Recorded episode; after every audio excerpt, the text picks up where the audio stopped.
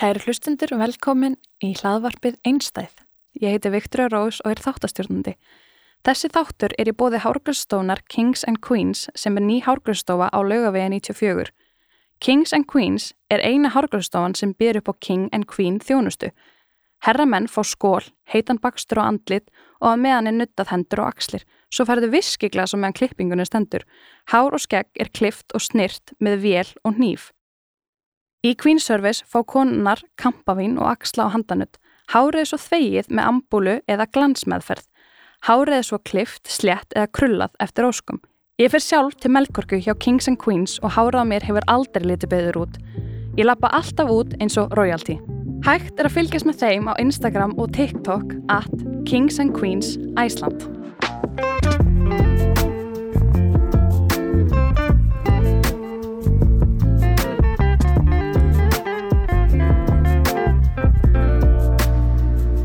Hjá mér í dag er Ísabella Mánei. Um, við ætlum að bjóða hana velkomna til okkar. Takk hérlega fyrir að koma. Hæ, takk.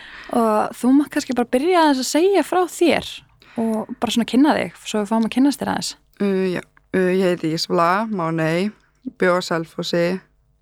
Uh, ég flytti í bæin í ágúst, núna í sumar. Já. Og ég, ég er í grafarholtinu og strákurinn minn er nýpir hjá dagmömmu. Hann er sem sagt, heitir Alexander Ísar og Reynsás. Mm Og ég er eitthvað svona, að reyna að vera í skólanum, smá erfitt, smá stress. Já. Maður gerir sitt besta. Ertu í háskólanum? Nei, ég er bara í framhaldsskóla. Framhaldsskóla, ok. Ég er í fjarnámi. Mhm. Ég er sem sagt að tröllaska sem er álasfyrði. Já, já. og ég rauninni er ekkert að gera mikið sko, ég er svolítið bara svona vakna morgunna, Mm -hmm. fyrir stræt og fer með Alexander til dagmömmu Mhm. fyrir heim þú veist, Já. tek til já, já. er ekki að vinna eins og ég er Nei, nei. eins og er en það kemur vonandi að í bræðum Já, ég, hérna, Adam, vinnu minn, hann sendi mér, hérna, TikTokið þitt þegar ég hafði samband við þið þá á Instagram til þess að koma, séð þú ert rosa virka á, á TikTok. já, maður er nefnilega ekki upptekinn þannig en hvernig, þú veist, svona, af hverju byrjar til dæmis að tala um þessa sögu? Þú veist, hvað var það sem, þess að TikToki Eh, sem þú kommentaðir undir Já. er bara, þú veist, líka bara um allt ferlið, þú veist, hjá þér og Alexander og, og svoleiðis. ok, þú veist ég var náttúrulega álegt 16 ára Mm -hmm, og það voru fyrst tveir sem kom til greina mm og þeir voru bara báðir bara svona leiðilegir skilur mm. Mhm, eða þú veist, einn er að heimta eiginlega bara ég fari í fústræðingu Já, þegar já. ég var komin 20 vikur sko Oh my goodness. já, en Þú veist, hann, það er ekkert auðvelt, sko. nei en hann reyndar með tímanum arskári Mm -hmm. og þú veist, þurfti kannski bara að melta þetta Já. eitthvað no hurt feelings lengur skilur Já, já. og svo var hinn eiginlega bara þú veist, sínaði mig Mm -hmm. og sem mér fannst eiginlega bara gott, ég vildi ekkert tala við hann já, já, já. og já, þannig ég var Og þú bara heyrðir ekkert frá honum aftur, eða? eitthvað voða lítið Já, já, ok. um, og ég bara svona ég á ógæslega erfitt með að tala um hlutina Mm -hmm.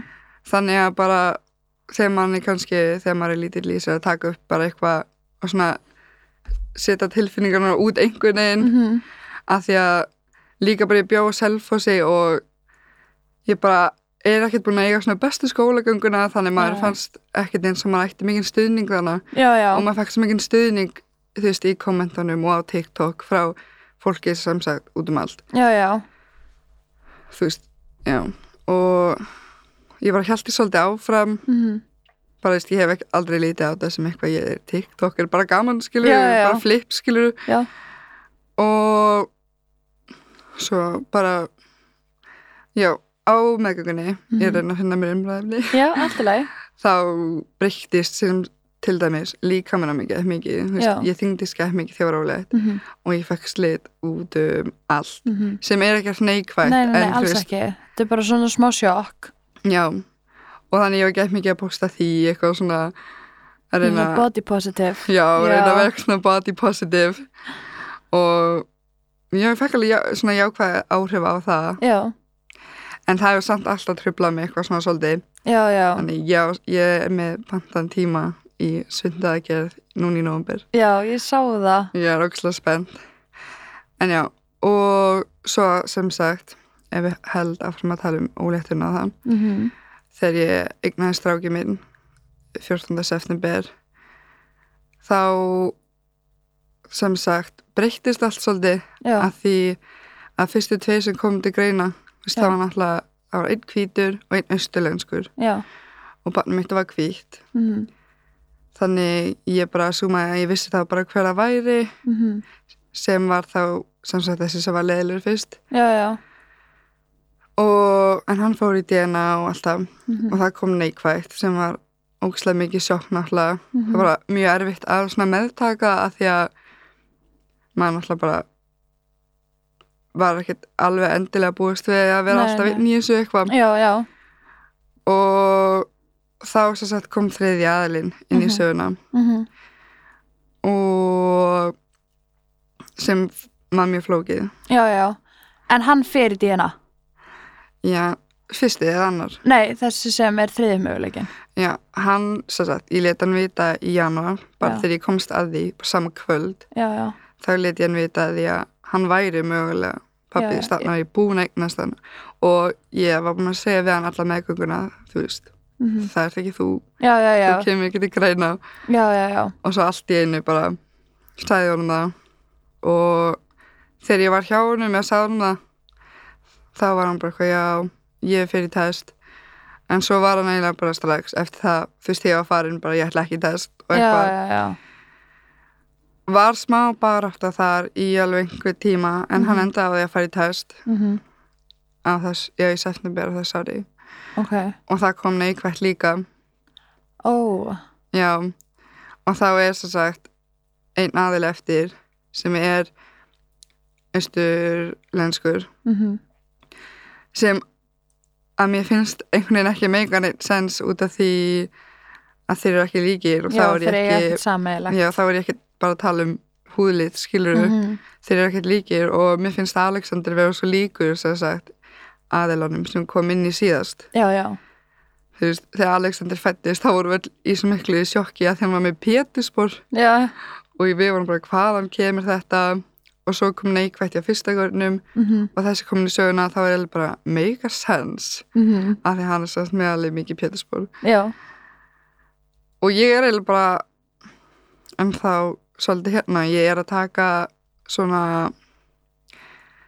bara svona erðargreiningu á já, sinninum erðargreiningartest á Alexander Mhm, og sem ég bara býð eftir að fá tilbaka já, sem að sýnist sem sagt, upprunan og það geta þú veist, þetta test er alveg að bjóða upp á meira en ég áttaði mig á sko, ég var að Já. lesa um þetta þegar ég var ekkert að veita testi mhm, og það er bara ekkert að koma svona meds við ættingja og alls konar og maður getur fyllt bara ég hef allan að heyrt fólk tala mjög mikið um þetta test og mæ, Já. mæla með því já, og ég er ógislega spennt að fá það tilbaka já af því þá ætla ég mitt að sjá hvort það sé einhver austurlenskur upprunni Já, já. Og hvort það sé það mikill. Já, þá er það náttúrulega 20% Já, já, já. Já, ég held að sé að sé rétt Já, ég held að sé það, ef hann er hálfur þá er það einn áttundi. Ég er einn áttundi grænlendingur. Já, Þú veist, að því að mamma, amma mín er heill grænlendingur. mhm Nei, mam, amma mín er hálfur, mamma mín er þá einn fjórði og ég er einn áttundi. Já, já, úf, þetta er flókið Já, ég veit það. Hann allan, hann er hálfur austurlensku, ég veit ekki hvor mamman segja pappans í austurlenski ég Já, já, já. þekkti hann ekkert hannig sko. Nei, og já, ég er eiginlega bara að býða eftir að það komið til að sjá hvort það sé eitthvað austurlenskt og mhm, hvort það sé mögulega eitthvað danst mhm, að því að ég veit að sem sagt, ný aðilinn sem komin í síðast er líklegast en að hálfur danskur já. Hérna, sem sagt, austurlenski og þessi sem var sem sagt leiðilegu við í byrjun mm. og var síðan góður Mm. eigum við ekki bara að kalla þessi sem var leiðilegur í byrjun bara gaur nummer 1 já, og gaur nummer 2 jú, jú, ok, gerum Já. það já, sem sagt, með gaur nummer eitt hann var eitthvað leiðilegu fyrst mm -hmm. og svo var mammans mjög mikið blöndu inn í þetta Já. þú veist, hún hitti Alexander einu sinni ok, og hún prjónaði sokka á hann næ já og, og þú veist, hún fór með hann mín test og allt það og, Já. þú veist, og hann miktist eitthvað eins upp ekki það að við vorum mikið að tala saman Nei, nei, en að því að á meðan á þessu stóð þá Mhm. fekk hann alveg mikið á sig eða þú veist, að því að þegar ég var að TikTok og eitthvað, þá fór fólk svo mikið með mér í lið já, eitthvað, já, já, þannig að þú veist, hann hafði lendið að fara inn í partí og hún var bara hent út og eitthvað út af þessu sko já, þannig að fólk tengdist selfos er svo lítill bæri sko Mm. að við allir allt sko. já, þannig þú veist, bara ef það er einhver að hlusta á þetta frá selfasi bara svo hann sé ekkert blandar inn í þetta lengur Já, af því að já, hann er já. það ekki, þá Nei, nei, nei. miktist hann upp með tímanum Mhm. þegar mammans talaði við hann Já, já, já, þannig að hann er sér sett alveg úr já, þannig þá í rauninni þótt að sé búið að koma neikvætt hjá hinnum líka mhm. þá finnst mér bara erfitt að trúa í en hann fór samt skilur Mhm. gegnum síslumann á landsbytalanum Mhm. svo það er líklegast alveg rétt. það er bara eitthvað svona Já, þetta er bara mér finnst eitthvað erfitt að óöryggi. trúa já, hlutunum já, skilur já.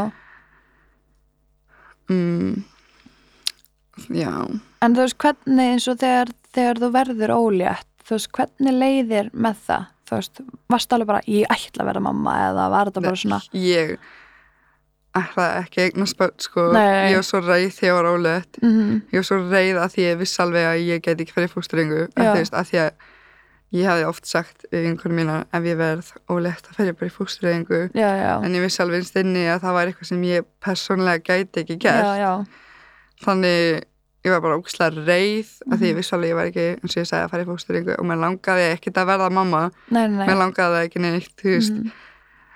ég var og svona innstinni er smá en þá þessi típa bara ég ætla að flytja til útlanda og ég Mhm. ætla Já, að vera já. strippari Ég ætla að vera rík, já og það er víst aðeins erfiðar núna já, um, þannig ég var ógæslega reið ég, ég náttúrulega þegar ég tók testið mhm, það kom bara tvær eldrauðalínur ég var bara ég var bara, ég fór ekki að gráta það neitt sko, ég var bara fokk, já, já, jú, alveg bara já, uh, þetta er bara einhver, bara svona andlið sjokki, ég er samt skilur þetta var á daginn eftir ammali þegar, ég man ekki hvort þetta var þegar bróðum minn átti ammali, já, en daginn eftir en ég lappaði bara fram eins og ekkert hefði verið og var bara var eiginlega bara að láta eins og þetta hefði ekki gest sko, eins Já, og ég já. hefði ekki verið að taka test og var bara að reyna að hug- hugsa ekki um þetta en Já. ég pantaði mér samt strax tíma í sónar mhm, út af því að ég var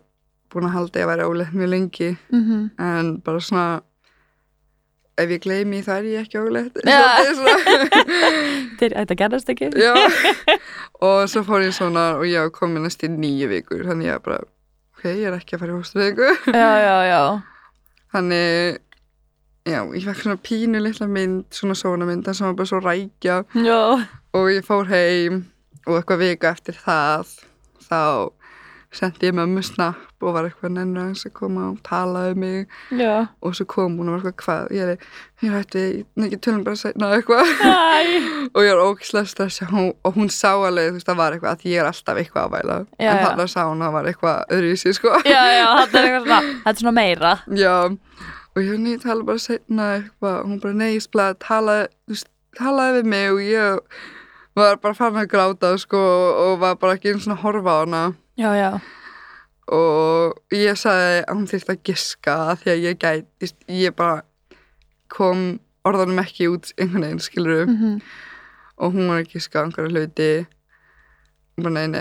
eitthvað og svo var hún bara hvert ólegt og það fór ég bara enn meira að gráta já, já, og mamma mín hún er svolítið svona þarf svar, já, nei og hún var Já, bara, já. ertu það, hún gæti ekki lesið það, já, skilur og hún bara, ertu það og þá rétti ég henni myndin að hún bara á sjokk, sko, hún Já. fór í sjokk af því að henni grunaði ekki neitt hún var bara, mig grunaði það ekki Mm. mhm, en samt á sama tíma þá var ég alltaf að segja hvað mér var illt í maðanum já, þau voru búin að sækja mig eitthvað þrjusur í skólan því ég var ælandi og hún kefti járnmeðal fyrir mig að því mér var alltaf að svima svo mikið og eitthvað og ég gat ekki tekið það því að var svo vondlíkt að samt var hún bara, ég hef ekki hugmynd og ég var bara, nei ok og s- ég talaði við hana ég, svo, ég, ég er svolítil svona mömmu stelpa sko Já, já, þannig að það já. varst erfið að tala við pappa og hún var eitthvað þú veist hvað er að segja pappa en ég má eina og ég bara nei, bara á morgun og hún bara nei, við við erum að klára þetta og ég bara, Þau eru saman í dag, er það ekki? jú Já, já, já. og svo náðan í pappa og hún sagði hún að að því að ekki sensa ég var að fara ekki að þú veist, reyna að segja þetta aftur sko Já, já, já. og hann var ekki að þess að hann bara, ég vissi það alveg, þú veist, hann var búin að sækja mig í skólan að því að ég var æland og hann, bara, hann var ekki til þess að sko, og mamma bara, er það ekki þess að alveg bara, bara ég veit að það aldrei ég veit að það aldrei Guðs. og pappi hann er ógæslega mikið svona góða hyrðir kall, hann er alltaf í góða hyrðinum já, já, og hann var einmitt áður en ég sagði þetta saman dag mm. nýbúin að kaupa einhverja svona stýttu af einhverju unga barni og hann gammir að það og gett krútlegt Æi. og mjög krútlegt þannig að En- þau voru bara mjög ánægð þú veist, fyrir þína hönd þeim, þau voru náttúrulega ekkert á, Nei, nei, víst nei. ánægð fattar þau, en þau voru ógislega supportive, bara mjög supportive Já. og segja bara, þú veist bara ákvörðun er þín já, þú náttúrulega þarft ekki að hætta við þín plön, þú þarft bara kannski að gera hlutina hans öðruvísi Mhm. og eitthvað, en það sem ég fannst kannski svona leiðilegast þú veist, ég, ég vissi að þau eru supportive já. en ég í rauninni þurfti að taka ákverðun áður en ég myndi tala við þau Mhm. að því, þú veist, ég og síða sískinni við erum átta já, já, og ég veit alveg að þau eru þú veist, pro-life eða eitthvað Já, já. svona, skilur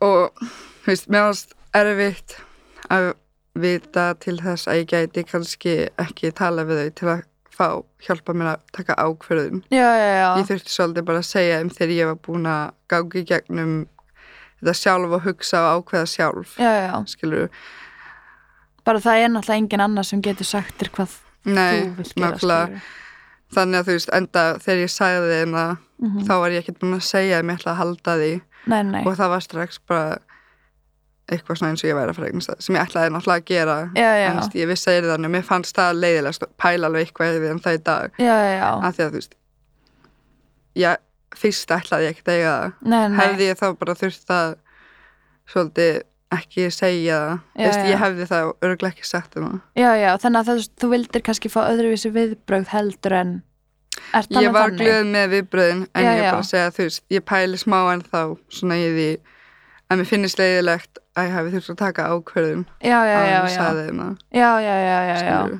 Já, ég skil, ok, já, já, já, ég var að meðskilja. já, ég alltaf Já. ég er að bylla eitthvað upp í lofti uh, og svo Stress.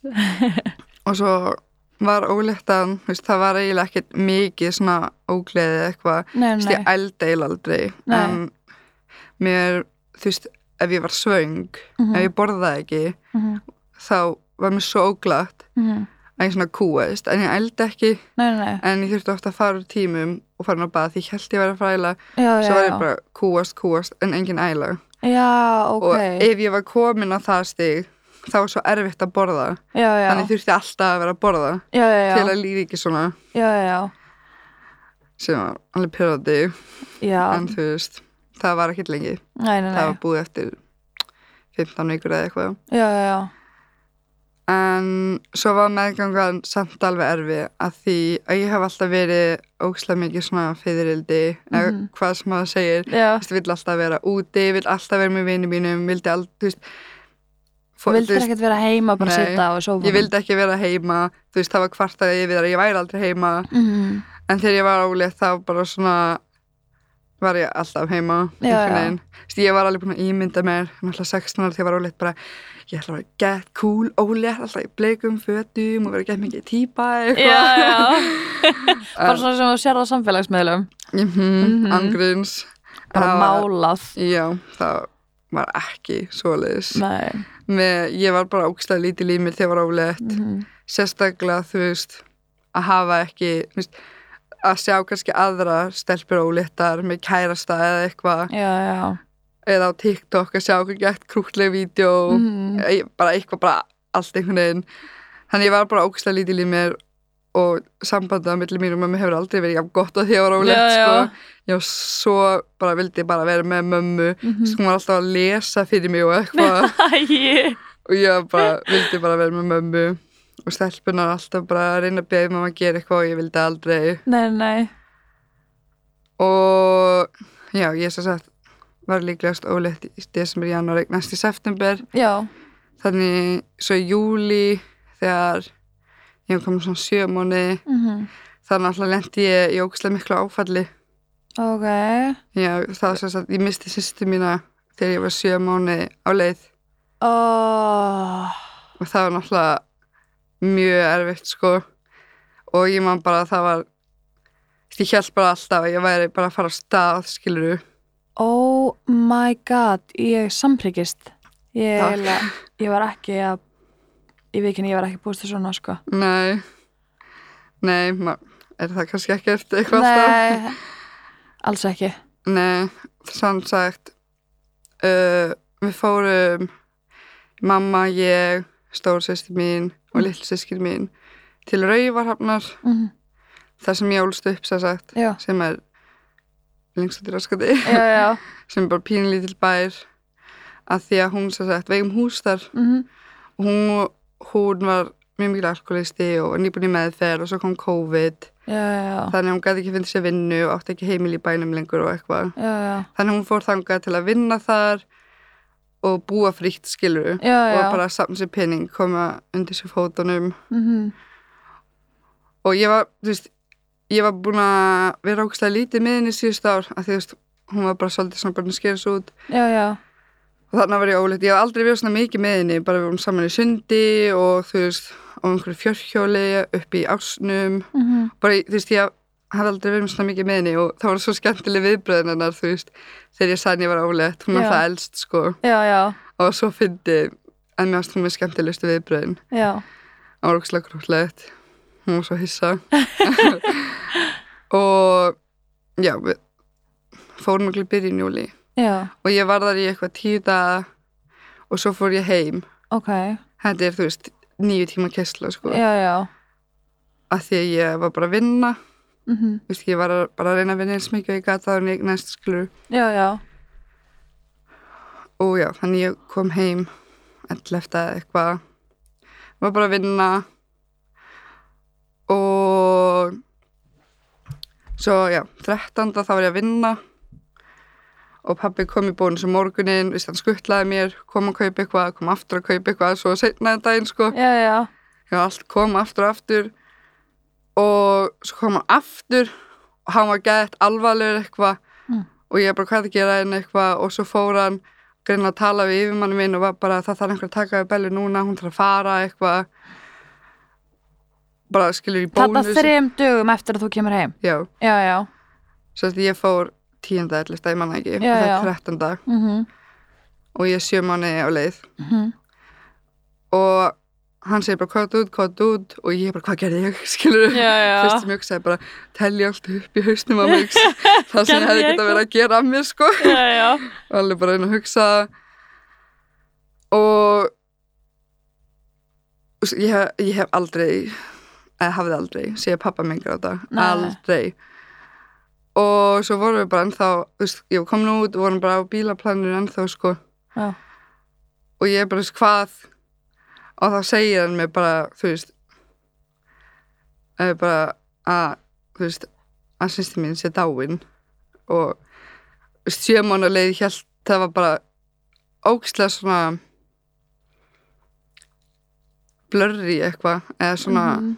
Það var bara, ég man ekki segja bara, nei, nei skilur já, já, og svo þess var pappi bara grátandi og það var svona, sem pappi mér að gráta já, já. skilur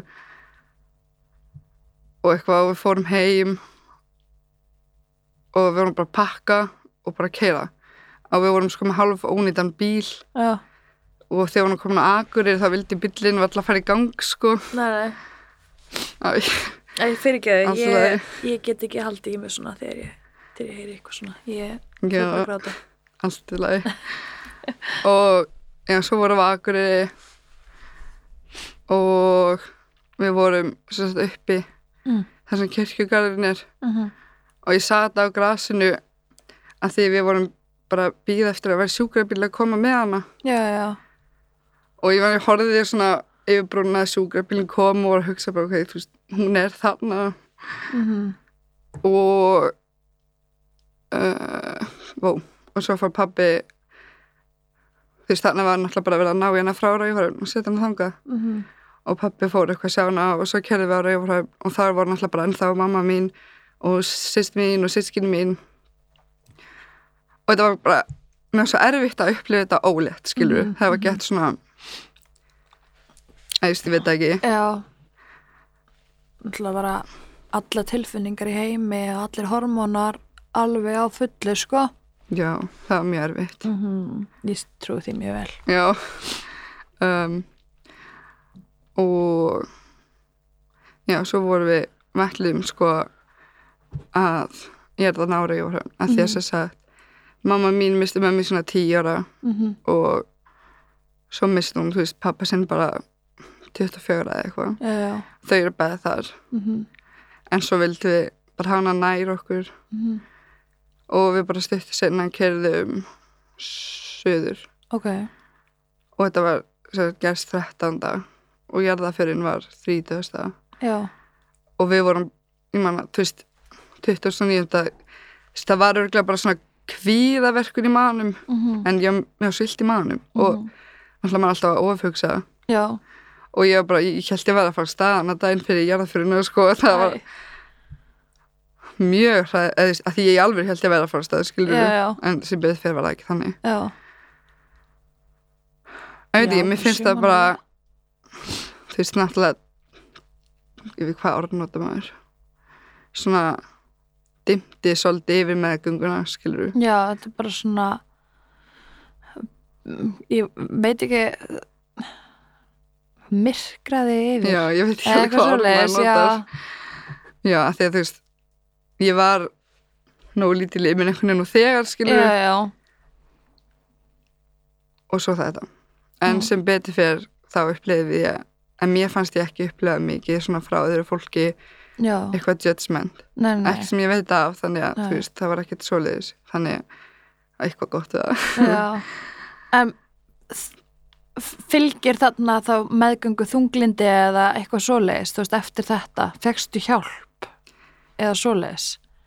Um, ég, þegar ég var búin að eignast Alexander þá fór ég í einhverja þrjá sálfræði tíma Ok, og þú veist, ég mætti þrís var það var aldrei eitthvað officially búið hún bara hringdi ekkert aftur já, en þú veist, ég veit ekki hvort það sé bara að því að ég þú veist, ég er ekki lókuð ég get alveg talað Mhm.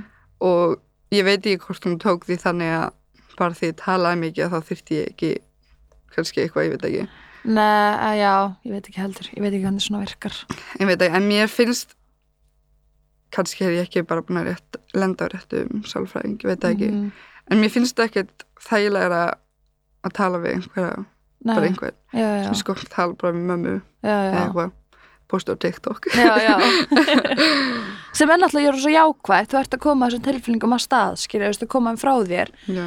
en stundum er líka verið svo gott að tala við eitthvað utan að komandi já, ég er endralega sammálaði en já, mér leiði bara þess að ég hafa aldrei lenda á neinum sem að svona hendaði mér já, já, já, Nefnum, ég er með einhvern ráðgjá núna sem Já. er að hjálpa mér með svona þú veist, heimlis og að vera flytt í bæn og eitthvað já, já, já bara svona félagsráðgefa basically, Já, já, sem er rosa gott og veist, hún er ekki sálfræðing, hún er ráðgefi já, en ég er að fá svo mikið væg frá henni og mér er sko hægt að tala á hana og við erum oft bara að tala um eitthvað ekki það að ég sé búin að hitta hana þá oft nei, nei, nei en í s- þessi tvö skiptið eitthvað sem ég hitt hana mm Mhm. hún er svo gaman að tala við hana já sem er náttúrulega þú, veist, þú finnur bara mannesku sem þið langar að tala við, þú ert ekki að vera að borga skilur hvað kostar í sálfræðisjón, þú veist, tíu skall eða ég eitthvað náttúrulega fekk, ég þurfti ekki að borga fyrir það Nei, út af ok. þetta var svona áfall já, já, skilurðu. já, já, ok, það er þurftum við mjög ekki að borga fyrir jákvætt það. mjög jákvætt já, það er náttúrulega mjög gott því að Mhm.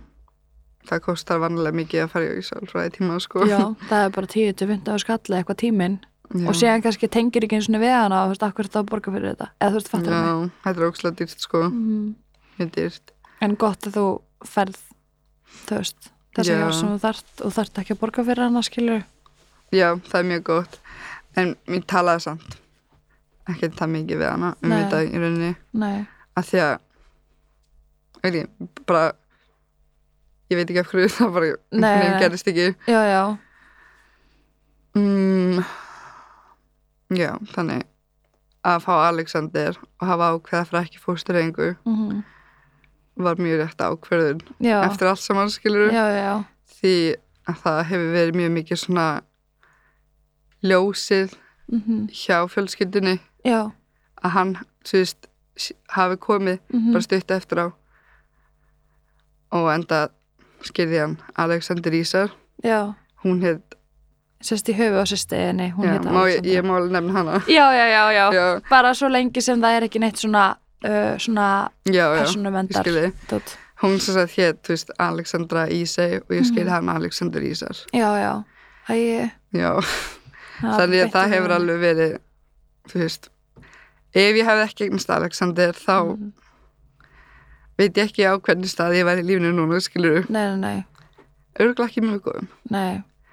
og saman tíma þá er það samt erfitt að hafa Alexander Mm. að því að þegar manni kannski líður ekki vel þá langar manni að vera á vondum stað Já, já. saman hversu brenglega það er Nei, það er náttúrulega bara þannig fólk leitar í áfengi eða Já. vímefni til þess að bæla með tilfinningar ég hef alveg verið á þeim stað sjálf sko. Já, algjörlega og þú veist, mann finnst fær svona moment þar sem mann finnst pyrrandi að ég get ekki bara verið á þessum Mhm. vondastað en á sama tíma segir skinn sem alltaf var hvort heppin að hafa Alexander svo getið samt ekki gert það Já, bara til þess að vera ekki á þeim stað þú veist, Já, þetta er náttúrulega þvílík uppeyja í lífinu mm hjá þér og, og þú veist, hjá mörgum sem verða óléttir já, þannig að ég er líka mjög ánægð að þú veist, fyrir þína hönd mm, að þú hefur Alexander og þið eruð að byggja ykkar já. skiluru þannig að þú veist þetta er bara þú veist þetta koma þessar tilfinningar og þessar tilfinningar megi að koma og þessar Já. tilfinningar megi að vera þú veist bara svo lengi sem maður er ekki að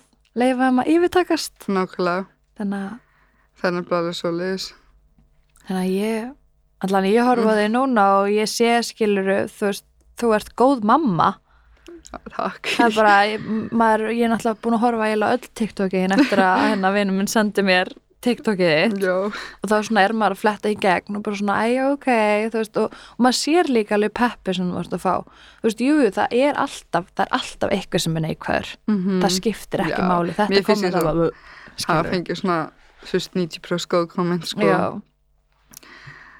og þannig að ég hef tek vondum kommentum sko ekki innan mig nei, sem er mjög ákvæmt Já, að, að því ég fæ svo mörg jákvæð Mhm. og þú veist, þannig ég byrjaði á TikTok eins og ég sagði hana, þú mm, veist, átti ekki mjög góða svona skólagöngu sér sett frá svona Mhm. áttundabæk já, og þá var mér svo ofta að heyra eitthvað neikvætt og þannig var ég að fá svo mikið jákvætt mm, þannig að af hverju ætti þessu fáu að hafa, þú veist, fáu komment að fara að hafa svona mikil áhrif á mig að því að góðu voru að hafa svo mikil áhrif Já. að því að ég var búin að vera að fá freka vond, skilur mhm, já, það er erfitt að útskýra þetta þannig þú veist, það hafi og hefur eilengin áhrif á mig það er mjög ákvæmt já. og það er svona þú veist, þótt sé að fara í sundaðagerð mm Mhm. það er ekki út af öðru fólki, skilur nei, nei, nei, Vist, eins og ég sagði áðan, ég ætlaði ekki eignast börn, nei, Þú veist, það er ekki eitthvað margir að segja, hvað það fyrir sundaðagerð, þú vilt kannski eignast annað barn eða eitthvað, Þú veist, ég ætlaði ekki eignast börn, nei, svo fekk ég allsandir ég er ekki að segja þessu, enga líkur á að ég muni eignast annað barn, nei, nei, en það er það ekki á næstinni, skilur nei, og segjum að sé eftir sex ár má ég þá ekki bara líða algjör pæju á meðan Já, eða já. þú veist, nákvæmlega mér líður alltaf pæju já, já, en maður hefur sín moment Já, og þú veist líka bara þú ert að gera þetta fyrir sjálfa þig, þú ert ekki að gera þetta fyrir neinn annan og af hverju fólk þá skipta sér að því já, það er samt ekki margir, ég hef bara lent í svona nokkur Já, já, ég er að segja, skilur, það eru alltaf ykkur sem skipta sér Mhm. af en þú veist, hvað ferðu út úr því að skipta þér af þú veist, að ykkur manneski sem þú kannski þekkir ekki einu sinni Mhm. ef þú veist, fattar það mig ég var í Halloween party um daginn og það var einhver færtu konar Já, og og ég var eitthvað gætt mikið að tala við hana og ég var að segja henni að ég var að fara í þess að sýtta að gera eitthvað og hún var bara að segja að ég ætti ekki að fara í hana og, og maður ætti að sína kvöllum alvöru kjöt og eitthvað. og ég bara já, sammála en ég ætla að satt í hana ég bara, æjæjæj hún var alveg, það var að fyndin konu sko, já, hún gerði eitt annað ég ætla ekki að segja hérna nei, nei, nei Þú kannski segja mér eftir á Segja- Já, segja það eftir. Það er mjög fyndið. En líður þér þá bara vel svona overall þú veist Já, svona, þú veist, mér leiðist svolítið -hmm. í daglega lífinu, eða Já. bara svona, þegar það er ekkert sérst að þeir gangi, þú veist, þegar svona er ég gett spennt að mæta því að bara, fer mér leggsa og þú er ég bara að gera þetta, Já, já, þetta, af því oftast það fer ég bara heim og ég get reitt og mér langar að fara að sofa en ég veit, þú veist, nota tíman, gera eitthvað, Mhm. en að því það er í rauninni ekkert að gera, já, það er þetta bara svolítið fara með leggsa fyrir heim, sopna oftast, já vakna bara því að sækja hann, mhm, en með hann er ein, mhm, skilur það er að vinkonum mínar eru selfhósi já flestar Þú mátt alltaf heyri okkur sko Ég og Ólifur erum alveg til að eignast fleiri vinir sko já, við Bara ef erum þið leiðist, besties. skilur já, það er gekkja að þeim við leiðist alveg oft heima Mhm. sko Já, og þú veist já það er eiginlega bara svolítið svoleiðist það er svo stutt síðan ég flutti í Sýbú það er bara rúm vika sko já, já, en ég bjó sko alltaf með sýstu minni já, á en ég fekk þessa íbú ok þannig ég er samt búin að búa í bænum sen í ágúst Já, það er alltaf vibra hérna Ég er að Taka síman að borðinu já þannig að vera svona officially í minni íbúð eigin með legsa það er ég er alveg ennþá að venjast því sko Já, já sérstaklega ég er ekki með bílpróf mhm, og þú veist, það er mér langar að fara til dæmis í sund með hann eða bara eitthvað mhm. það verða alveg smá svona Detour Með já, að strætó. sérstaklega ég bjóð sjálf að segja, ég kann ekkert á strætó Nei, nei, nei þú veist, ég er ógslag stolt af mér að kunna þess að ferð til dag með mér sko, Já, já, sem er samt bara eitt strætó sko. já þannig en samt saman tíma veit ég að maður læri bara ferðinar og það er ekkert mál þegar maður er búin að læra þér mhm. en Það þá er- þarf maður að koma sér í það að læra þér Já, ég er alveg sammála þetta með strætó sko, þú veist, ég hef náttúrulega búið í Reykjavík bara alltaf lengi, þú veist, ég flutti Mm. bara til mömmu mennar í smá stundum en ég var ólétt og Já. síðan flutti ég í bæinn en málið er eins og þú veist minn er sex mánaða Mhm. að fara með hann í ungbarnasund með strætó, það er bara einn og hálf tími og þrý strætóar þetta er Þrír? alltaf mikið, já þetta er þrý strætóar frá mínu húsi skilur þannig að þetta er alveg alltaf mikið ferðalag fyrir bara svona lítinn gutta Mhm. þannig að ég er alltaf bara eitthvað hæ pappi eða hæ vinkona getur þú koma og sótt mig eða þú veist þannig að þetta er alveg, ég skil hvað þú ert að meina þetta er Mhm. náttúrulega alveg, þetta er sko, ég, ég er ekki að tala þetta illa meint þú veist, maður er náttúrulega frelsviftur frelsisviftur að eigna spatt þú veist, Já. þú ert náttúrulega bara tilbúin þessu batni og þarft að Mhm. sinna því og sjá um það, skiluru og þig og, og, og batninu, fatturu algjörlega og vera ekki með bíl eða bílpróf er náttúrulega líka frálsifting eða frálsifting fattar það er mig? það alveg Já, af því þi- þarna þarna er það að fá tvo hluti sem er alveg mikilvægt í lífinu Mhm.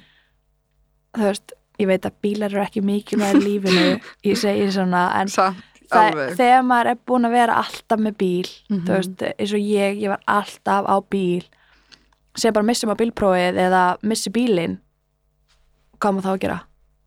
bara taka stræt Já það það, er ekki samt þetta annað í bóði en Já. það er samt leiðilegt þú sérstaklega þegar Mhm. maður er hún háður bílar ég meina Já, ég byrjaði sko á bílprófnum 16 ára. já, Ég er 18 ára, ég er ekki komið bróð. nei, Ég var svo bara að bókla verklega eftir, já, en ég fjall í, þú veist, ég fjall þrísar í bókla í sumar já, já og svo flytti ég í bæinn og það er ekki maður vetur og ég Mhm. var bara, ég hef ekkert við að gera að ná þessu prófnum núna, sko. já, já, Þess, ég, ég er bílfræð, Mhm. ég var að flytja í bæinn já, og eins og ég sagði það er ekki maður vetur. já, Ég er ekki að fara að keira um í bæinn mér vetur, það er Nei, bara ekki nei. að fara að gerast. nei Þannig ég tek það bara aftur í mars eða eitthvað. mhm, Líka að spara bara bensín að taka strætó, það Já. er peningur. já, það er dýrt að vera bíl sko já, ég veit það, mjög dýrst sko já.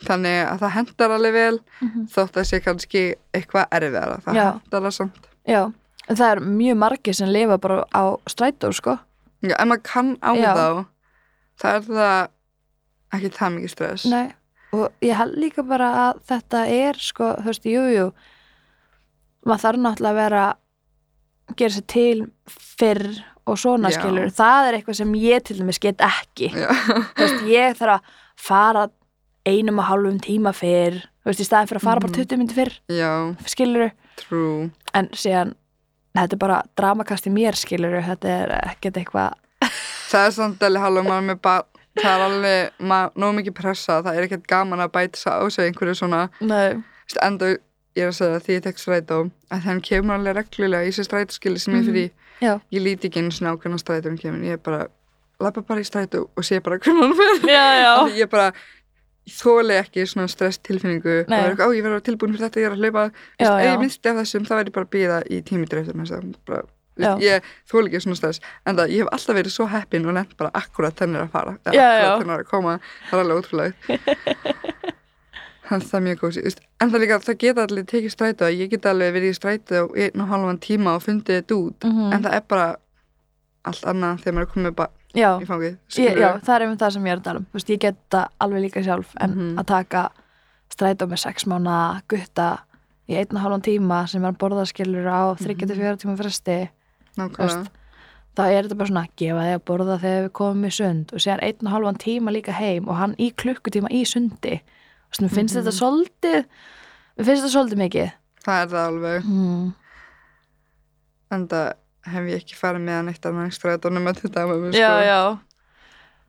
En ég er heppin, ég á systur í bænum já, og við hjálpum svo mikið að já, hún á líka bara ok, sem er, hún er fjóra ára stelpu ok og þú veist, hún, eins og ég sagði, ég bjó hjá henni mm og þú veist, hún er með bílpróf og við förum saman í búðina og við gerum alls konar hluti já, og til dæmis skiptumst á að passa um Mhm. helgar ok, til að fara út, það er mjög gott já, sérstaklega í sumar, minna Mhm. eins núna, Já. af því er náttúrulega skólinn og svona já, já, En við vorum mjög mikið í því í sumar að Mhm. skipta föstudeginum eða lögadeinum eða eitthvað. já, já, já. Þú veist, af því að sérstaklega ég, minna hún, Já. ég, ég elska tema, já, skilur. já, Mér finnst gaman að fara út og mér finnst, já, já, mér finnst það bara mjög gaman.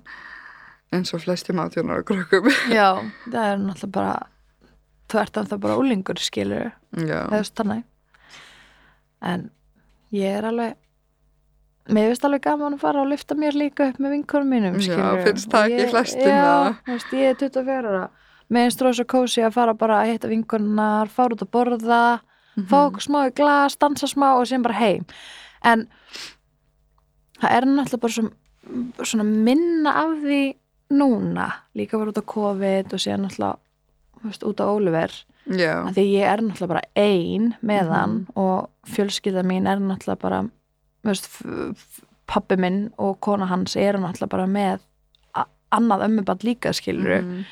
þannig að þetta er alveg svona erfiðar að ringi þau hæ, Já. getur þú passað ég tengi alveg mikið, þú veist, Mhm.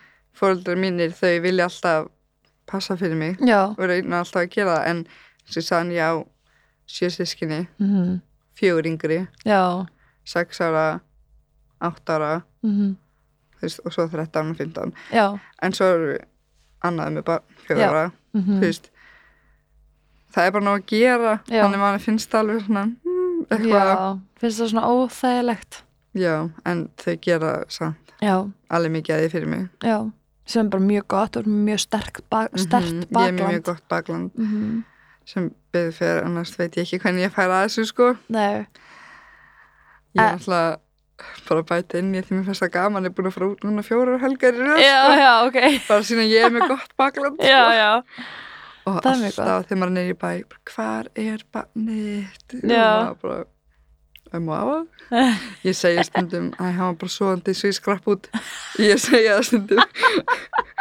að þegar maður er bara ekki vera vittlis ég var ekki að skilja eins að spatna mitt heima sko, nei. eitt, eða þú en veist fólk tekur því samt ég veit það þetta er alveg merkilegt sko mm að því að ég ég vil ekki trúa þessi á Íslandi en það er náttúrulega mikið um þetta úti að fólk bara skilur batna sitt eftir heima og fer bara að gera það sem það þarf að gera sko. það er þess að því að ok, eins og þegar ég er kannski svoandi Mhm. Alexander er svoandi hann vaknar alltaf og er mjög, mjög svona sáran gráð já, já, þú veist, núna er ég byrjað að láta hann sofa í sínu rúmi já og ég vakna með hann grætur þá stendur hann, hann er svo sár og svipinn ég mm. get bara ímynda mér, þú veist, ef ég væri ekki hann, hann væri bara hann að grátandi einn, Já. bara, mér er svo skelfileg tilhugsun ég alveg bara, þetta er ógslegt ég, ég skil ekki svona Mm. ég bara, ég, ég fer að gráta þegar ég les svona fréttir sko. angriðins en, ha, mér er svo bara, ég var að pæla að síðu, þú veist, það ógslegt já, eða þú veist þú veist, maður, þarf- maður er náttúrulega ekkert alveg eitthvað svona heill í haustum ef maður gerir það sko Nei. Þú veist, það þarf að vera eitthvað að en mér langaði að spyrja eina spurningu svona áður en við klárum þetta Ok. vissuru að þú þurftir að fara í DNA þegar þú varst ólétt eða fattar það bara Ég Eftir vissi að- það þegar ég var ólegt, sko. já, vissur það þegar þú varst ólétt Já, af því að það var náttúrulega tveir sekundi greina, mm -hmm. en svo fættist hann og ég var bara eitthvað, nú valla maður þurfið, sko. já, já Veist, Hann er kvítur og, mm Mhm. já, hann bara líktist einum þeirra já. já En svo kom það neikvægt mm og svo þá var ég bara, þá er það þessi, þú veist. já, já, Svo kom það líka neikvægt. Þannig að maður á nú alltaf að gera allir ekki, Já. skilur þú, vinnst mér.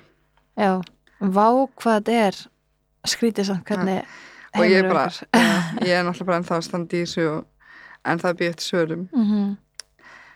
en og hann Já. er komið flott já, það var bara svo mikið pressa að vera þú veist, að standa í þessu mm -hmm. og vera heima -hmm. og bara svona allt einhvern veginn Mhm. þannig það var svo gott að flytja bara í mína einn íbúð já, og ég er líka búin að vera ógæslega heppin þú veist ég er náttúrulega í stúdentar íbúðum þannig Mhm. ég þarf að vera í skóla, minn í bíðana já, mér finnst það mjög erfitt að vera í skóla en maður er svona að reyna já og þá get ég eða ég fekk það sem sagt í gegn mm sem ég fekk öruglega bara út af mínum aðstæðum skilur já, já það fæ ég svona námslán mm sem eru eitthvað eða, nei, ég fekk námstyrk svo eru námslán, þau eru hans meira held ég ok, ég held ég sé að segja rétt, kannski er ég ljúa já, ég veit ekki neitt ég er ekki búin með skóla sko nei, ég er bara í skólanum fyrir síbúð sko já, að því ég, já, ég er búin að vera að falla þrjáranar í röðu sko já, já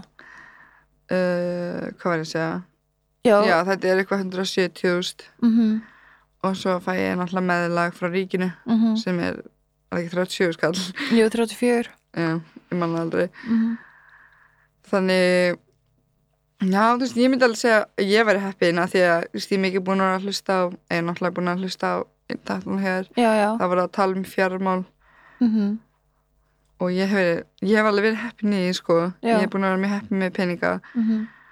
og eins og þegar ég var álegt þá varum við að reyna að fá hérna fæðingarúlof í gegn já, og þú veist ég var náttúrulega var bara að vinna eitthvað 40% já, þannig að þá átti ég bara að fá eitthvað gett lítið en ef ég vildi fara í gegnum skóla þá mátti ég að fá 180 skall ef ég hefði náð 20 einingum ok síðustuðun já, og já, þetta var það að kód var að byrja já, og allt í nú voru við öll fjarnámi já ég get ekki verið í fjarnámi nei, nei, nei. ég er búin að vera í fjarnámi núna Mm í þrjár já, þrjár Um þrjárannir annir gangu og slítla já, En önnur á undan því, þegar ég var að mæta í skólan, þá skilur ég náði í 35 minningum, náði Ok. því. Og því vil, þú veist, en ég átti samt ekki að fá það í gegn, út af því að ég var ekki með nóg margar einingar, þá átti ég bara að fá 90 skall eða eitthvað. frá fæðingarólusjóð á mánu Ángriðins, fyrir eða eftir skatt örgla eftir. já, eftir skatt, Já, hlýtur að vera. En, sko, ég vona það af því annars er það bara einhver Já. 60 skall sem þú ert að fá eða eitthvað ángriðins, en papp minn er svo harður, sko. já, já, Hann bara, tvo mánuði eða eitthvað, var hann bara að hringja og hringja og hringja já og bara stúksast og rífast við fólk og eitthvað. já, já, og þú veist, þetta er náttúrulega COVID að kenna ég hefði alveg náð 20 einingum eða hefði ekki verið fyrir Mhm. COVID já ég hefði alveg náði mm og á endanum þá fekk ég eða fekk pabbi það í gegn þannig Já, ég já. fekk 180 skall á mánuði já fyrir, fyrir eftir skatt já, vonandi, já, eftir Já. skatt sem er náttúrulega bara geggjað mm ég, það var mjög næs og ég hefði ekki getað hann pappa sko nei, nei, nei, af því ég er mjög svona lítið limir eitthvað já, já og já, þannig ég var ógæslega heppin með það og svo veit ekki og svo bara eitthvað að vinna og einhver svona að ég man ekki orðin yfir allt svona þú veist, eins og í mæ þá fær maður alltaf eitthvað Orlof já, það, og svo náttúrulega færum við, fá við mm -hmm. þrísvar í mánuði Mm -hmm. í mæ fjóru sinum mæ, júli, februar, oktober já, hérna eh, barnabætur já, barnabætur Mhm. þannig að það hefur allt, það hefur allt einhvern veginn re- þú veist, komið á svo réttin tíma hjá mér einhvern veginn já, já, þannig ég er eiginlega bara fyrst núna með eitthvað peningastress sko já, já, já. alltaf því ég er náttúrulega í fyrsta sinn að borga þú veist, leigu og fara Mhm. í búðina og eitthvað svona já, já. og er náttúrulega að fara í saðgerð Mm En byrju, hjá dagmömmunni mm. ertu með einhverja afslætti þar að því þú ert ein e, já, ég, það er hægt að sækja um eitthvað svona dæmi hjá stjættufélagi já, Já, ég er ekki búin að koma mér í það mm. ég er ekki að borga þú veist, að því þú veist, ég er að borga en margar dagmömmur rukkalega meira og að því þetta er líka frá þú veist, 8 til 2, ekki já, til 4 sko. já, já, það er ég að borga 30 eitthvað skall á mánuði ok og þetta er sem sagt sama dagmamma og að, þú veist, frænka mín var Er hjá, já, já, já, já, svo þetta ótti sýstu minnar var, Ókei. já, var hjá þannig það var þægilegt ok það er svona minna stressandi Já. skilru að skilja hann eftir Og þú ert að borga 170 í leigu Nei, ég sem sagt hún er 100 og eit- 110 Já, já, og svo sækir maður um náttúrulega húsalegu húsalegu bætur Já, já, já, og svo get ég líka sátt um auka húsalegu bætur sérstakar húsalegu Já. Já, já, já, Ég sem sagt fór um daginn hann Mm. að ég er bæinn ég maður ekki hvað það heitir, til að Mm. sækja um auka húsalegu bætur og ég Já. vissi ekki að ég ætti að sækja um venjulegur húsalegu bætur líka ég held að þær væru bara skilur Já, þá er ég líka að sækja um það Þannig ég þarf að koma því í gegn, þannig ég borga ekki mikið í þessu mánu því að ég vissi ekki að það væri þannig já, já. þannig ég er bara broke bitch right now Já, já maður þarf að sækja mynd allt sjálfur, sko, ríkið er ekkert eitthvað Nei, leifa þér að að komast upp með, eða þú veist, hjálpa þér með þetta, fattar þú voru, Nei, en það sagði hún bara það þarf að ganga á eftir öllu sjálfur ég er bara greinlega alveg." alltaf bara að búja með ömmu og pappa og pappa alltaf að rætt öllu og hringja Já. sko. ég alveg hérna, týnd í Reykjavík að ég, mér Mm. finnst bara samt, þú veist, mér finnst þessu astalegt með fæðingrólofið, þú veist þessu, hvað tókstu fæðingrólu lengi? Andjóks, ég fekk sex mánuði og -hmm. svo bara stutt eftir það þá var það breytt í tólmáni eða eitthvað er, e, nei, þú fegst fjóra mánu og síðan breytt sex mánu, er ekki þannig það? nei, Ég nefnilega fekk bara sex mánuði, sko, og What? ég fætti 2021. nei, ég fekk sex mánuði og Fegstu 100%, 100 aðhalsbætt, nei, fæðingrólusjóð í sex mánuði? já Ok, eða veist, að því að það eiga að vera nýju mánuðir já, samanlagt með pappa og já, mömmu. þá var mamman að fá þrjá Já, pappin þrjá já, og svo var það hinnir þetta er sex. Vá, við, við poppuðum inn bara. já, kekja, vá, ég er alveg týndi þess nú ég næg ekki að reikna þetta Ég sko, Ennur. að var þetta ekki hérna þrýr og þrýr jú, í senstu mánu sem eru svo sex mánuðir. já, það var nýju viðbót nei, þrjú viðbót Já, sem væri þá skipti í tvenn og síðan var núna samþygt árið 2001 í januar sérst að mamman fá sex mánuði og pappin fjóra og við ef pappin vil framselja okkur þá fáum við sex vikur í, au- í auka sko Ég var allavega frá september, mm november, desember, januar, februar, mars. Ég var í apríl, já, já. mars, apríl, ég man ekki alveg. Jú, það getur vel verið sko ég bara því að ég sótt um í apríl Já, og þeir eru bara eitthvað hérna, já þú fyrir ekki 100% aðlis, nei hérna fæðingar á sjóða því að þú ert bara búin að vera aðlisbótum, skiluru svona lengi og var bara í 80% af aðlisbótum af því að þegar ég misti vinnuna Mm. þá var ég ekki búin að vinna það lengi að ég átti rétt á 100% aðlisbótum frá það er þeim, svo skrítið. já samt var ég sko í tveim vinnum árið 2020 Af hverju skilurðu. er ekki bara að lita á þetta, þetta er foreldri sem getur ekki unnið, já, að því hún var eitthvað spart, hún þarf Mm. peninga með hann. já Af hverju er það að fara eftir einhverju svona, ég, ba- ég skildi ekki þannig að ég misti alveg þvílíkt hjá mér þú veist ég átt að fá sem sagt, 333.000 fyrir skatt sem Svo- er þá vá, 200 og eitthvað af því ég var náttúrulega í tveim vinnum Já. það er þess vegna sem þetta náði svona hátt sem betur Já. fer um, en af því að ég tók áttamánuði í fæðingarólof mm. þá fæ ég bara 160 Mánuði, af því að það þarf að skipta þessum sex mánuðum öllum peningnum í áttamánuði oh, og þá fæ ég 160 eftir skatt oh.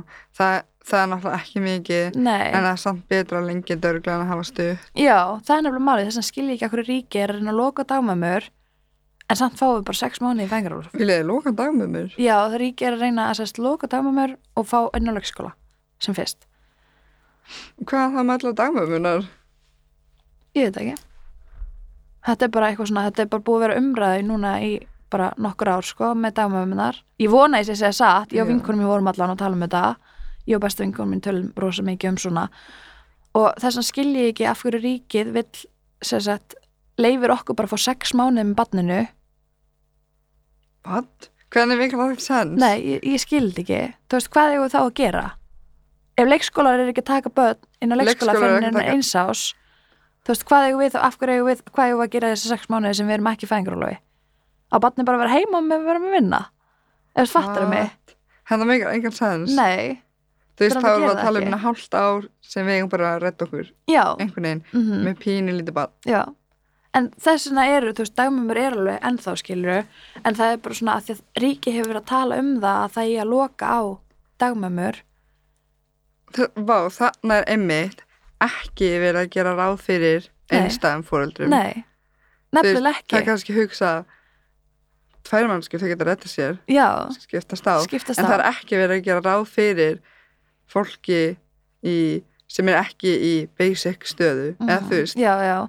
þú veist, þetta er náttúrulega uh, þú veist, mér finnst þetta bara svona astalegt að því að þegar vinkonum mín talaði um þetta við mig og við vorum að tala sérst um fæðingrólum þetta var þegar ég var ólétt og vorum að tala um þetta og hún var bara eitthvað betur, hvað átt þú þá að gera?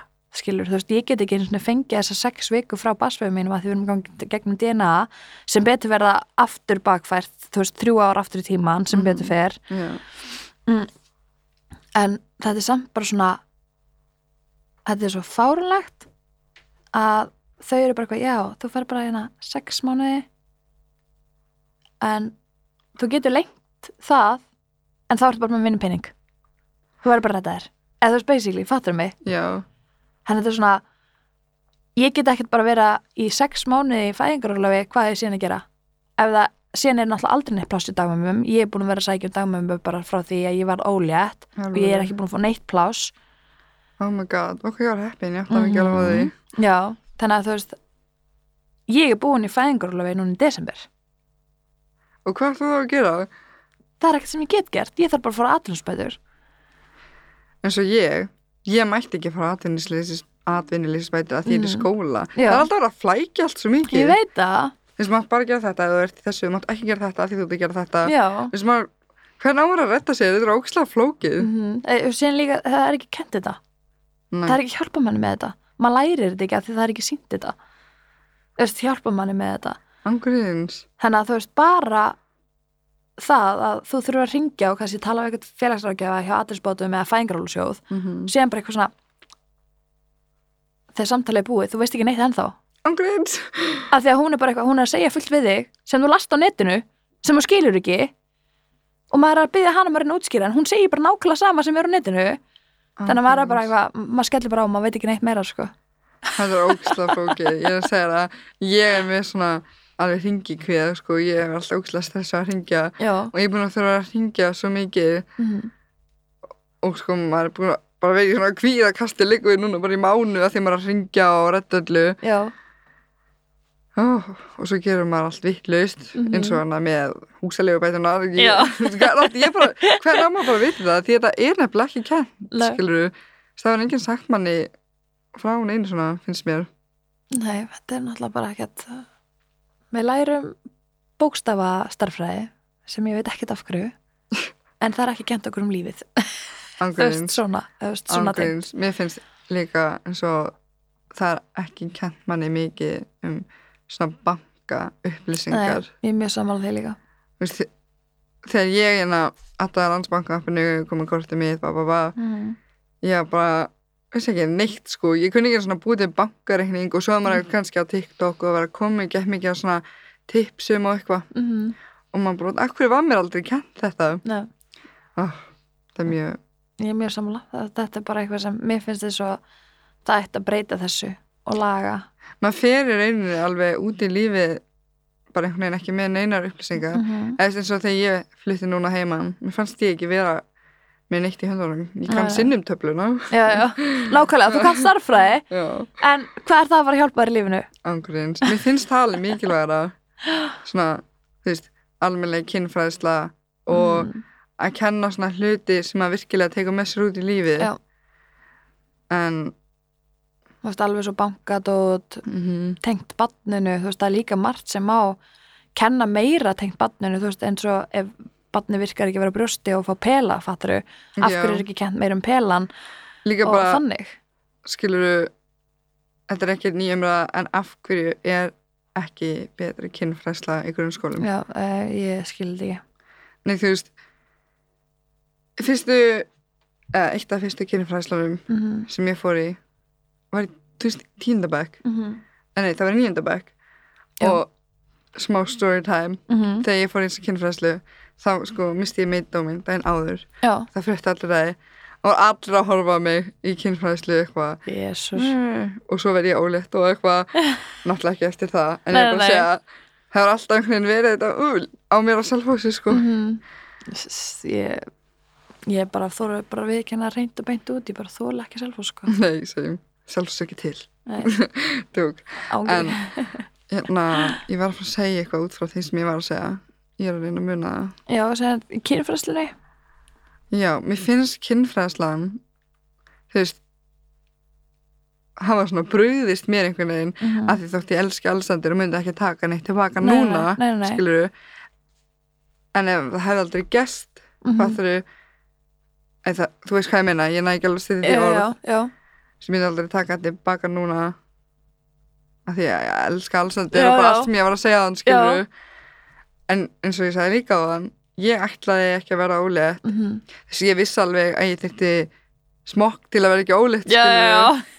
já. en ég meina ég næst fyrst að kærast minn 14 ára Mhm. hann var miklu eldri en ég já. og hann sagði bara pull out game is the move sko og ég Oh my god ángríns og ég var bara, ég var aldrei ólíkt eftir hann þannig ég var bara, that's the move alveg bara, skilur that is my move og ég var bara ég, oh, Nei, hættu ángríns og þú veist, og ég var ekkert að stressa með einhverjum kynnsjúkdómum Pull out game strong já, ángríns Bara, þú veist, það getur verið smá sæði áður en að setja hann inn og þú þarf þenn á whatever, skilur, það er ekki tekið með það er bara aðaldæmið Oh my þannig ég god var bara, það var minn leikur alltaf, sko Bara pull out game Já, skóli minn var ekkert, kynfræðslan var ekkert að segja við mig þegar þið farið að sofa saman krakkar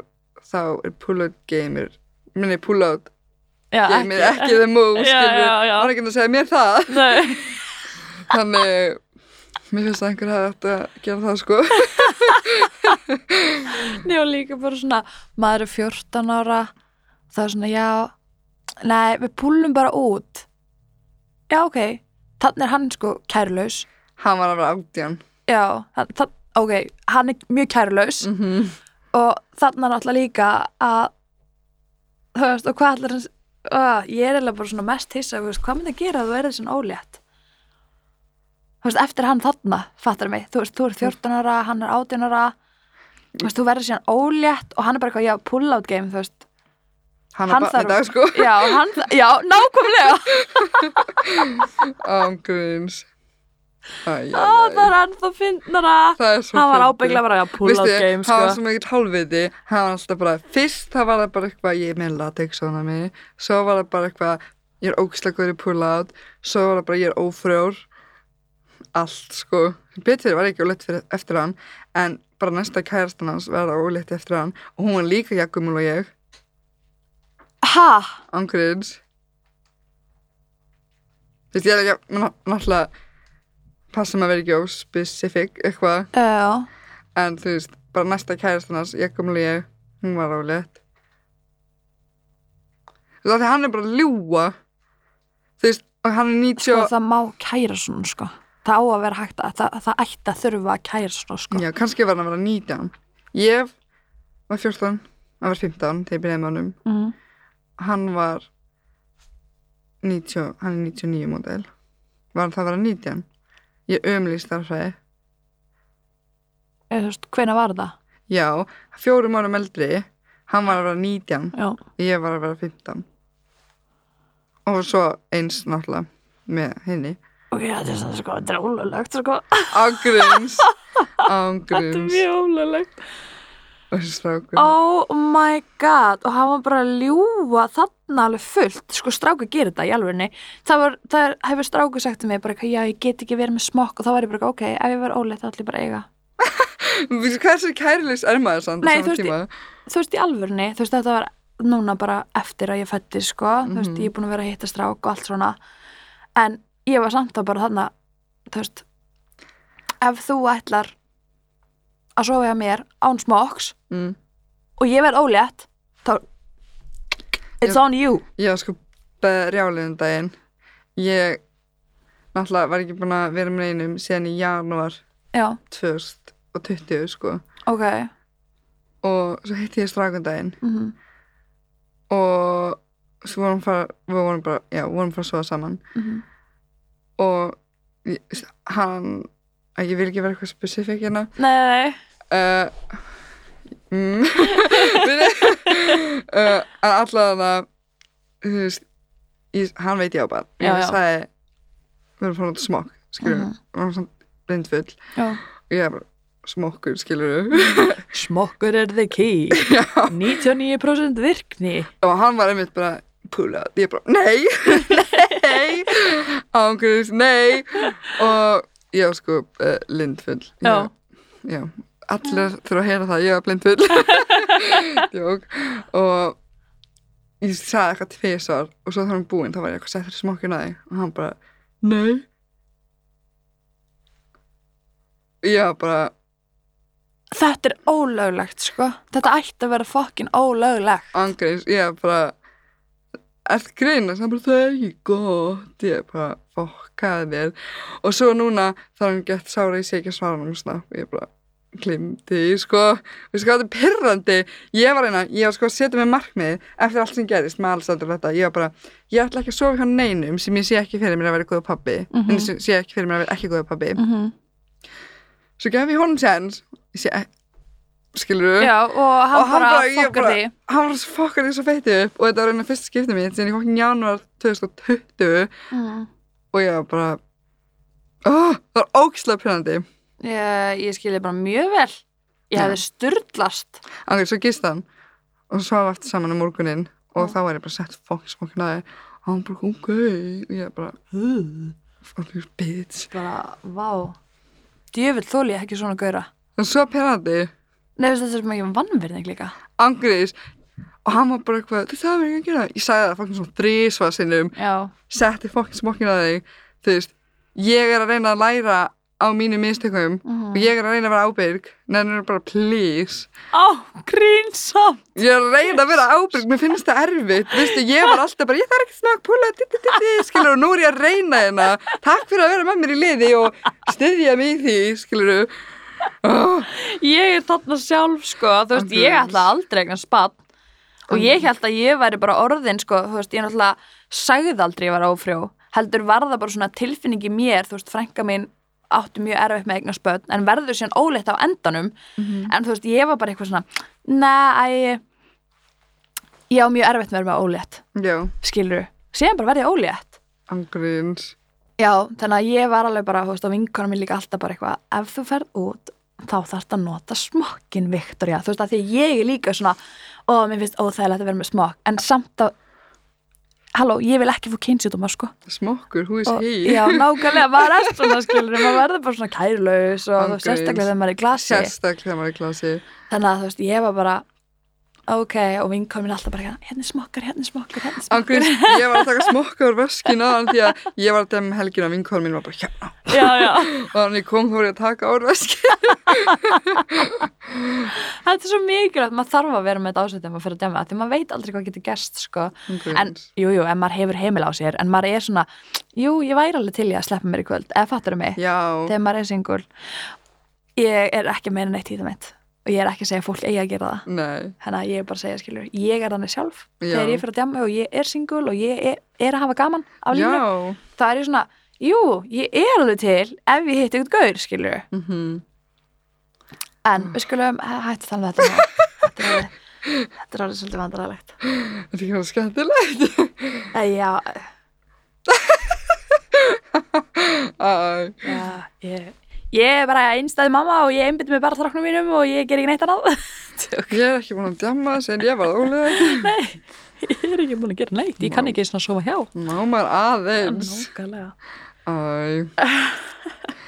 Nei, það er alltaf læg En Mm.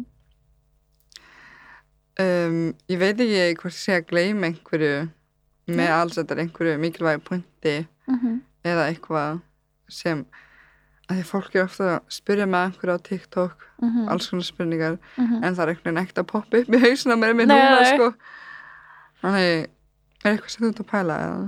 Sko, ég bara að þið líði vel Alexander líði vel Mm. og við vonum, vonum bara innilega að það komi allt úr þessu dóti sem er í gangi þetta er náttúrulega búið að vera alveg bara hausverkur í ár Mm Síðan ég var álega já, Skilurðu, sérst, næstu er næstu tvö tvö ár Nei, líka sem er skilur alveg fyrir mikið síðustu jól já, þá er ég bara að ég menna Alexander ekki eiga pappa á jólum það er Já. koma næstu jól sko mm það er komið Ekki bara enn núna eftir komið. mánu sko. Mhm.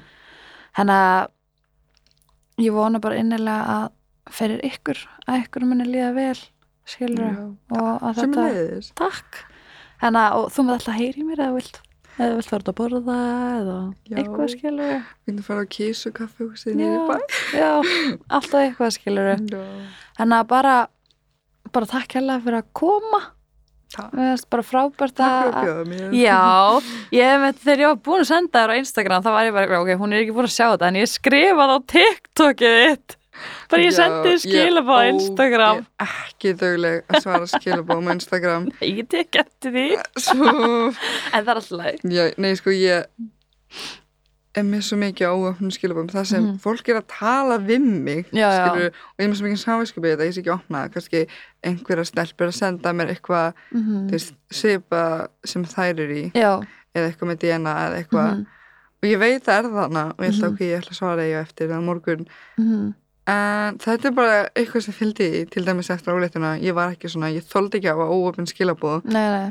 en ég bara, þú veist það er bara eitthvað svona eins og mér langi ekki að opna þau eða nei, eitthvað nei, nei. sem já, er, já. þú veist, veit ekki hver ástæðan er fyrir því Nei, nei, nei. en ég- þú veist, þegar ég opna skilabóð það er það alveg svona ok, ég þarf að fara að opna skilabóð, það er ekki Mhm. eitthvað ok, nei, nei, eitthvað nei, nei, nei. það já. er bara svona, ég þarf, ég þarf að fara að gera þetta Mhm, halló, það er búið að hlóna svo mikið upp mhm. og mér finnst það alveg leiðilegt að því ég er með alveg mikið að skilabóðum óopnum Já, sem er, þú veist stelpur að tala við mig annarkvæmt að Mhm. spurja mig eða segja mér sína reynslu eða Mhm. hjálpa mér eða eitthvað já, já, já. en ég er bara svona veit það ekki mér Nei. finnst eins og ég sagði á þann mjög erfitt að vera eitthvað tilfinningaleg eða Mhm. eitthvað svona Já, tala um eitthvað svona erfitt eða eitthvað já, Mér finnst það bara ógæslega erfitt og ég er svona vill það helst ekki eins og þú veist í þessu skipti sem ég, ég hef eitthvað að tala eitthvað um allsendur og það mhm, eða um sýstu mín eða eitthvað svo hrauna öll skilabóðin skilur mm. Mhm. það er bara æjæj, já. fokk Þetta er Úps. nefnilega, þetta, ég var svo líka, en núna tek ég bara alltaf þegar Ólafur fann að sofa og svara ég. En- mm Ég veit ekki, þú veist, það er bara ég og þetta er náttúrulega bara algjörlega persónumbyndið fattru. Mhm. -hmm. að því að ég var einmitt þannig líka sjálf ég þóldi ekki að hafa skilabóð þannig að ég, sko, ég er með sem bara múin slökva á það er slögt all hjá mér sko Eh, ég var að opna fyrir það í gær sko, fyrir Snapchat, en það er bara svona fyrir vinkonum mínar Instagram a- og Facebook og allt þetta það er bara, það er off það er alltaf hjá mér nema örgulega snabbt mm, já, ég er ekki móð fyrir Snapchat já, ég er líka að snabbt að það er eiginlega mest bara svona vinir hjá mér sko já, og svo Instagram, það er mjög mikið já, en já, þannig ef einhver heyrir þetta sem er með skilabóð hjá mér á Instagram, sorry ég er ekki að reyna hins ykkur nei, mér líður alltaf eins og fólk haldi það Já. það er ekki þannig nei, það er náttúrulega bara svona þegar maður er komið með þennan fylgjandahóp og það er mikið að fólki að fylgjast með og, og hlusta þá, Já. það er samt ekki eins og sem með eitthvað það mörg það er bara svona það er ekki náttúrulega, ég bara gera það ekki já, já, en maður langar það samt alveg, en samt gera ég það ekki já, já það er ekki eins og erfitt nei ég veit ekki svarið, Nei, skilur þetta er bara eitthvað sem er að halda aftan að þér sem er líka bara allt í lagi Herðu eigum við ekki Vilt þú bæta ykkur við? ég vona bara ef að það er margir að hlusta á þetta frá self og segja eitthvað ekki hrauna yfir strákana ef að fólk veit hver er Já, að já, tala um, já. skiljiði, Það er bara, þú veist ég, ég vona innilega að enginn sé að fara að gera það nei, að því að hinga til þá eru þeir, svo ég veit, ég búin að vera að gera skil best á Já, þessi tveir allána þá bara þú veist, ég vona innilega að þetta fólk muni láta það vera, sko já, Ég ætla þeir hann að gera trúa örugglega. ykkur. Já, en samt gott að hafa það núti. Þetta er ekki, þú veist, þú vilt ekki að þetta sé já, ég er ekki að vandamál. tala um þetta svo þetta sé eitthvað svona Mm -hmm. komið með mér í leið þetta er kúkalabál Já, já, já. ekki svo leiðis Nei, algjörlega. En þá vil ég bara þakka þér kella fyrir að koma og segja þína sögu og, og þér og, og kynnast þér og allt svona. Takk. Þannig að ég vona bara gangið vel með allt. takk, og sömu leiðis takk Bye. Heyrðu, takk. Bye bye.